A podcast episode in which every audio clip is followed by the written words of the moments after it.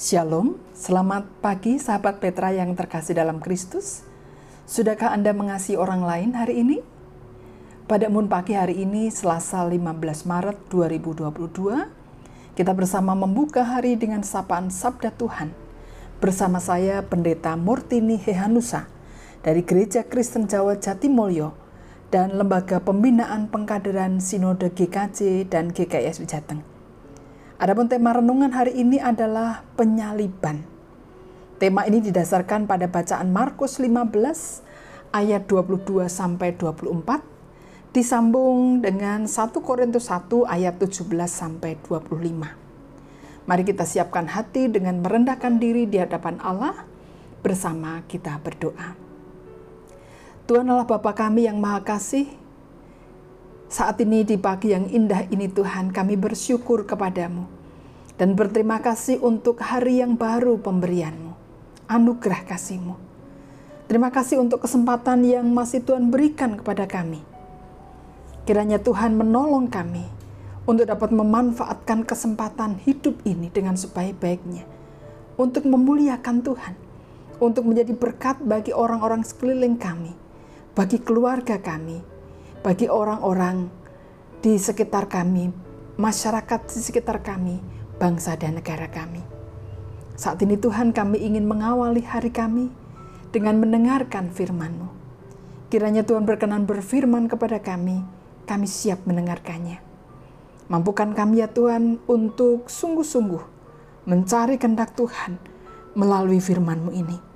Juga mampukan hamba-Mu ini agar boleh menjadi berkat bagi para pendengar Petra dan semua yang boleh mendengarkan, yang boleh merenungkan firman-Mu.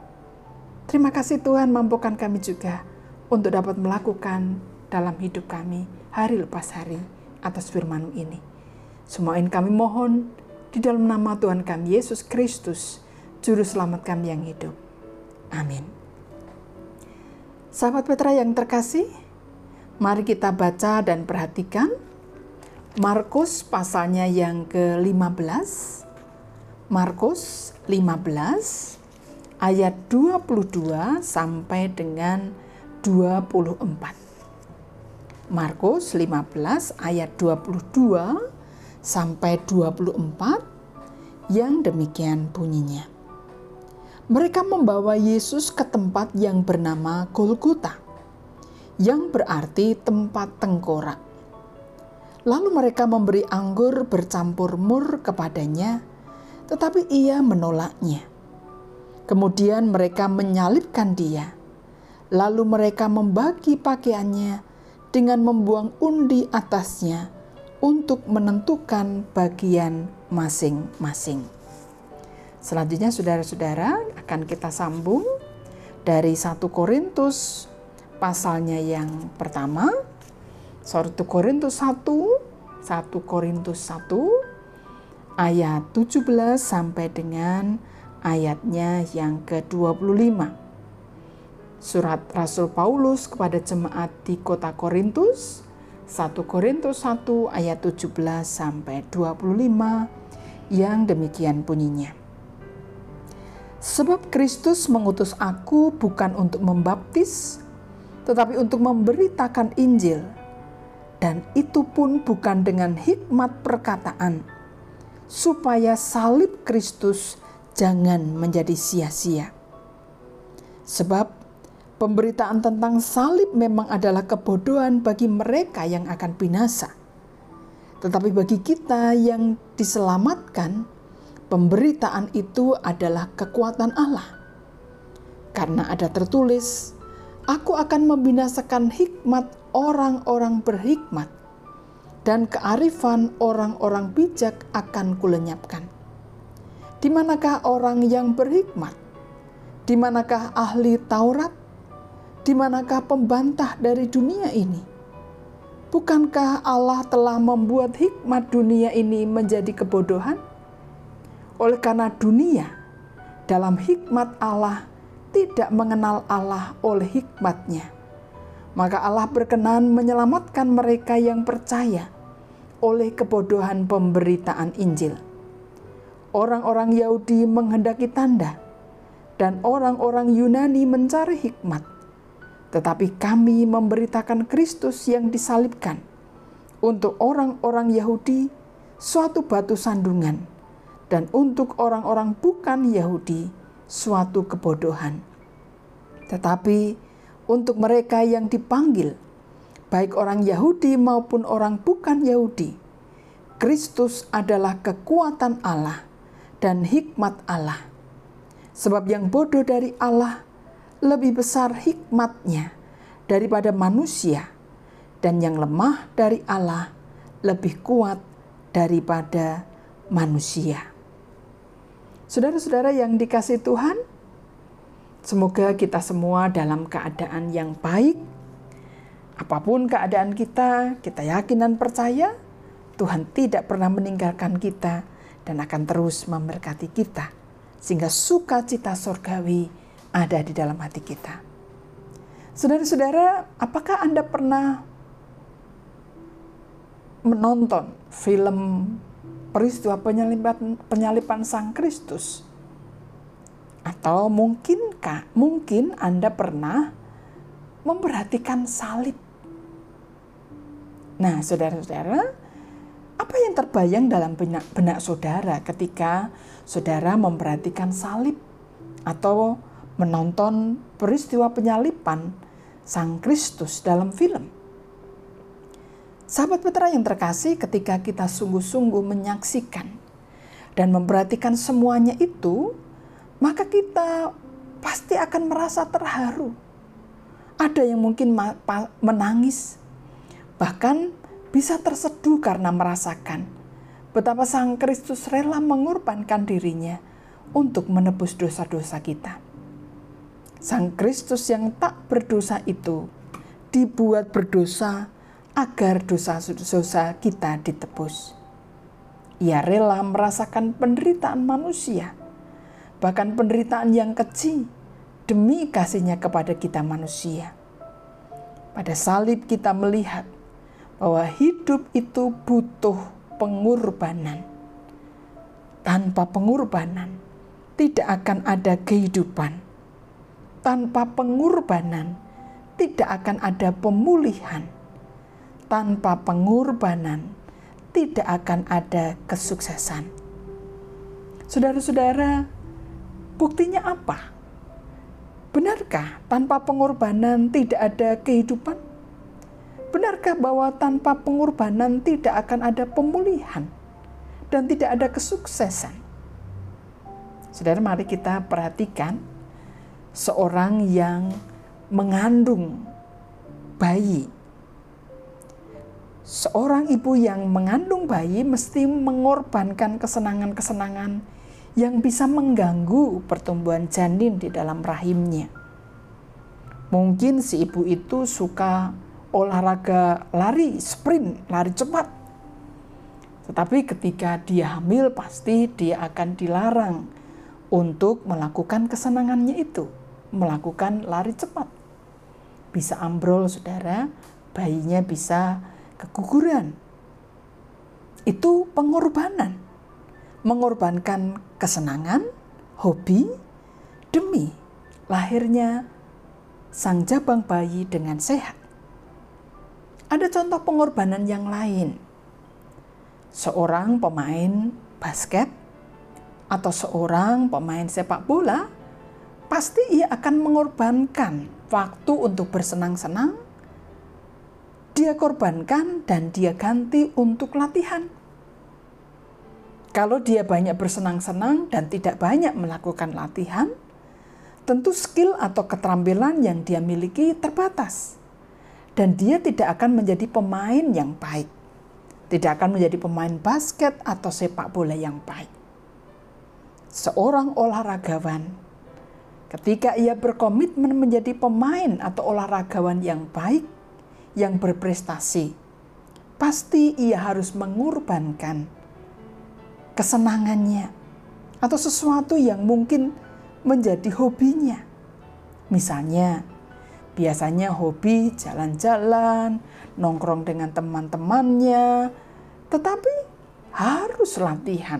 Latihan basket, latihan sepak bola, dan sebagainya.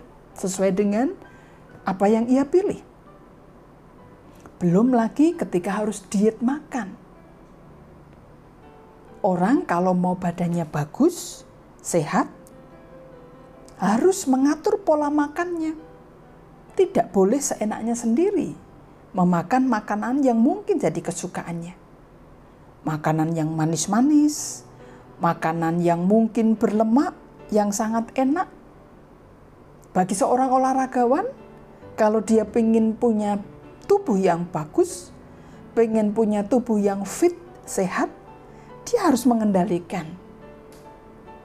makanan-makanan yang tidak menyehatkan bagi tubuhnya. Mengurangi makanan-makanan yang terlalu manis dan juga makanan-makanan yang berlemak. Itulah pengorbanan. Kalau kita ingin sukses, maka kita juga harus berkorban seorang yang pintar sekalipun tanpa dia belajar, maka ia akan kalah dari orang-orang yang rajin meskipun tidak terlalu pintar. Jadi, untuk menjadi sukses juga dibutuhkan ketekunan, pengorbanan. Yang lain jalan-jalan, bermain, tapi kalau ingin sukses, maka harus sungguh-sungguh mau belajar. Saya pernah mendengar ada kisah-kisah pengusaha-pengusaha yang merintis usahanya zaman dahulu dan sekarang sukses. Apa resepnya? Karena mereka mau mengorbankan apa yang menjadi kesenangan mereka. Mereka betul-betul mengatur uang dengan baik. Ketika mereka memulai usaha, mereka rela hanya makan nasi dengan garam atau nasi dicampur dengan air dan gula. Agar apa? Agar keuntungan yang ia dapatkan dari berdagang itu bisa disisihkan untuk modal ke depannya. Tidak hanya untuk mencukupi kebutuhan makan sehari-hari. Itulah pengorbanan. Dan saat ini kita diajak untuk melihat pengorbanan Tuhan Yesus di kayu salib.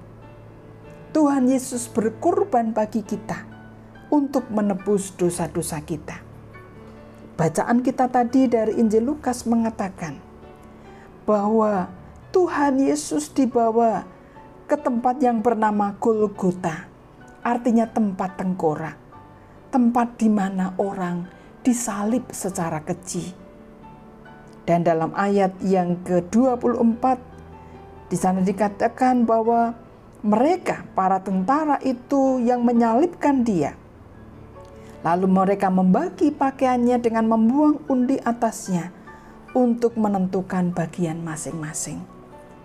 Tuhan Yesus rela melakukan semuanya itu demi kasihnya kepada kita, demi cintanya kepada kita umat manusia. Dan sebagai orang yang mengaku sebagai murid Tuhan, kita mesti mau meneladaninya, mau berkorban. Saudara-saudara, oleh karena itu, kalau saat ini saudara sedang ada dalam masalah, masalah dengan suami atau istri, dengan orang tua atau mertua, dengan anak-anak, dengan rekan kerja, dengan siapa pun. Mari kita memandang salib itu. Karena dengan penyaliban Tuhan Yesus itu, kita melihat sebuah pengorbanan yang besar yang menghasilkan keselamatan bagi kita. Mari kita memandang salib itu supaya kita mau dan rela mengorbankan diri untuk sesuatu yang baik untuk pemulihan relasi, untuk munculnya kehidupan baru, untuk munculnya situasi yang baru yang juga diharapkan bersama-sama. Dalam kasus keluarga, kadang-kadang gengsi membuat orang tidak mau mengorbankan diri. Kadang-kadang orang mengeraskan hati untuk memulai meminta maaf tidak mau mengorbankan gengsinya. Ah, gengsi aku. Aku kan orang tua. Masakan aku yang terlebih dahulu harus meminta maaf? Saudara-saudara, mari memandang salib Tuhan Yesus yang rela mengorbankan dirinya, mengorbankan kesenangannya, mengorbankan apa yang enak di dunia ini untuk kita. Dan mari kita meneladani Tuhan Yesus. Mau mengorbankan ego kita. Kita korbankan, kita salibkan di kayu salib. Supaya ego itu terlepas dari diri kita. Dan kita punya jiwa yang besar. Hati yang lapang. Untuk mau mengampuni, mau meminta maaf, mau berdamai, memulai perdamaian dalam hidup kita ketika perdamaian itu terjadi, maka akan muncul tanda-tanda kehidupan, di mana orang yang tadinya mati dalam tanda kutip, patah semangat, mungkin tidak berkembang dalam hidupnya. Mungkin anak-anak kita yang karena mungkin orang tua sering bertengkar, anak-anak menjadi anak-anak yang tidak berkembang secara optimal mungkin karir saudara juga tidak berkembang secara optimal karena ada relasi-relasi yang belum terselesaikan. Saat ini, mari kita memandang salib Tuhan. Salib yang telah menyalibkan Tuhan Yesus, Sang Kristus penebus dosa kita. Mari kita salibkan segala keegoisan kita, segala hal yang menjadikan kita, menghalangi kita untuk dapat memulihkan kondisi yang ada. Saudara, di masa pandemi ini, banyak orang yang merasakan persoalan di bidang ekonomi. Banyak orang yang kena PHK. Pertanyaannya, apa yang harus kita lakukan? Mari kita melihat salib itu dan melakukan pengorbanan untuk perbaikan ekonomi keluarga kita. Mungkin kita yang dulunya suka jalan-jalan ke mall, ketika melihat sesuatu langsung membeli, tapi ketika keadaan ekonomi kita pas-pasan, uang kita pas-pasan, kita mengorbankan keinginan-keinginan kita demi tujuan yang lebih mulia, demi tercukupinya kebutuhan keluarga kita, demi anak-anak kita bisa tetap sekolah, karena kita mesti mempersiapkan sekolah anak-anak kita. Kita mesti berani berkorban, karena itulah yang baik untuk sesuatu yang lebih baik dalam kehidupan kita. Kalau kita mau sukses, kalau kita mau meraih kebaikan-kebaikan dalam hidup ini, pengorbanan itu harus kita jalani. Saudara-saudara, ada banyak hal yang bisa kita lakukan dalam pengorbanan ini. Dan tadi dikatakan dalam surat 1 Korintus pasal 1 Sebab Kristus mengutus aku bukan untuk membaptis tapi untuk memberitakan Injil, kata Rasul Paulus di ayat 17. Dan itu pun bukan dengan hikmat perkataan, supaya salib Kristus jangan menjadi sia-sia. Rasul Paulus mengajak kepada kita saudara-saudara untuk tidak memegahkan diri. Kita hebat karena Tuhan yang membuat kita hebat. Seandainya kita sudah mampu untuk mengorbankan apa yang kita senangi untuk keluarga kita. Jangan kemudian kita merasa bahwa kita sudah berjasa dan kita sudah hebat. Bukan. Itu adalah anugerah Tuhan. Itu adalah berkat Tuhan kalau kita sudah mampu mengorbankan apa yang harus kita korbankan. Sehingga dengan pemahaman yang seperti itu, kita bukan menjadi orang-orang yang arogan, tetapi menjadi orang-orang yang tetap rendah hati, karena kita sadar bahwa hikmat dari Allah lah yang menjadikan kita mampu untuk melakukan pengorbanan itu. Barang siapa bermegah, hendaklah dia bermegah di dalam Tuhan. Jadi, kalau kita sukses, mari kita mengingat Tuhan yang menolong kita, menganugerahkan kepada kita kesuksesan itu. Saudara-saudara yang dikasih Tuhan, mari bersama-sama kita senantiasa memandang salib Kristus itu. Sang Kristus sudah disalibkan dan penyalipannya memang sangat kecil. Tetapi saudara-saudara, kekejian itu berganti dengan kabar sukacita karena salib penyaliban Sang Kristus itu menjadikan kabar sukacita bagi setiap orang yang membutuhkan penyelamatan, penebusan dosa, hidup yang baru. Bagi Bapak Ibu Saudara yang ingin hidup baru di dalam Tuhan, yang ingin dosanya diampuni, mari memandang salib Kristus. Karena dalam salib itu kita melihat bagaimana penyalipan Kristus yang penuh cinta kasih yang menembus dosa-dosa kita. Amin. Tuhan memberkati. Mari kita berdoa. Tuhan Allah Bapa kami yang maha baik, terima kasih untuk firman yang boleh kami renungkan bersama. Tolonglah kami ya Tuhan untuk mampu meneladani apa yang Engkau telah lakukan dalam kehidupan kami. Mampukan kami untuk mau mengorbankan segala sesuatu untuk kebaikan bersama.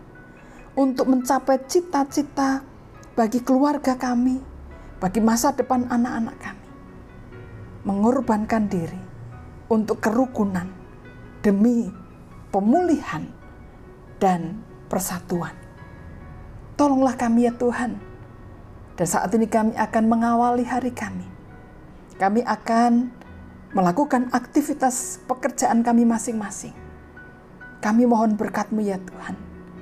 Apa pun yang kami kerjakan, kami hendak berlindung dalam naungan kasih-Mu. Dan Tuhan berkati, mampukan kami, sehingga apa pun yang kami lakukan boleh menjadi berkat tidak hanya bagi kami, tapi juga bagi orang-orang di sekeliling kami, juga bagi bangsa dan negara kami. Terima kasih Tuhan, kami serahkan kehidupan kami sepenuhnya dalam berkat-Mu. Semua ini kami mohon di dalam nama Tuhan kami, Yesus Kristus, yang mengajar kami berdoa Bapa kami. Bapa kami yang di sorga, dikuduskanlah namamu, datanglah kerajaanmu, jadilah kehendakmu di bumi seperti di sorga.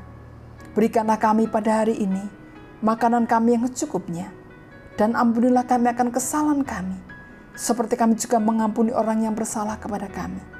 Dan janganlah membawa kami ke dalam pencobaan, tetapi lepaskanlah kami daripada yang jahat. Karena engkau yang punya kerajaan, dan kuasa, dan kemuliaan, sampai selama-lamanya. Amin. Demikian sahabat Petra yang terkasih dalam Kristus, embun pagi hari ini, Selasa 15 Maret 2022. Kiranya firman Tuhan memberikan hikmat, kekuatan, dan penghiburan bagi kita untuk melewati sepanjang hari ini. Saya Pendeta Murtini Hehanusa dari GKJ Jatimulyo dan LPP Sinode GKJ GKI SW Jateng. Mohon diri dan mohon maaf bila ada kata yang kurang berkenan. Sahabat Petra, selamat mengasihi orang lain hari ini. Tuhan Yesus memberkati.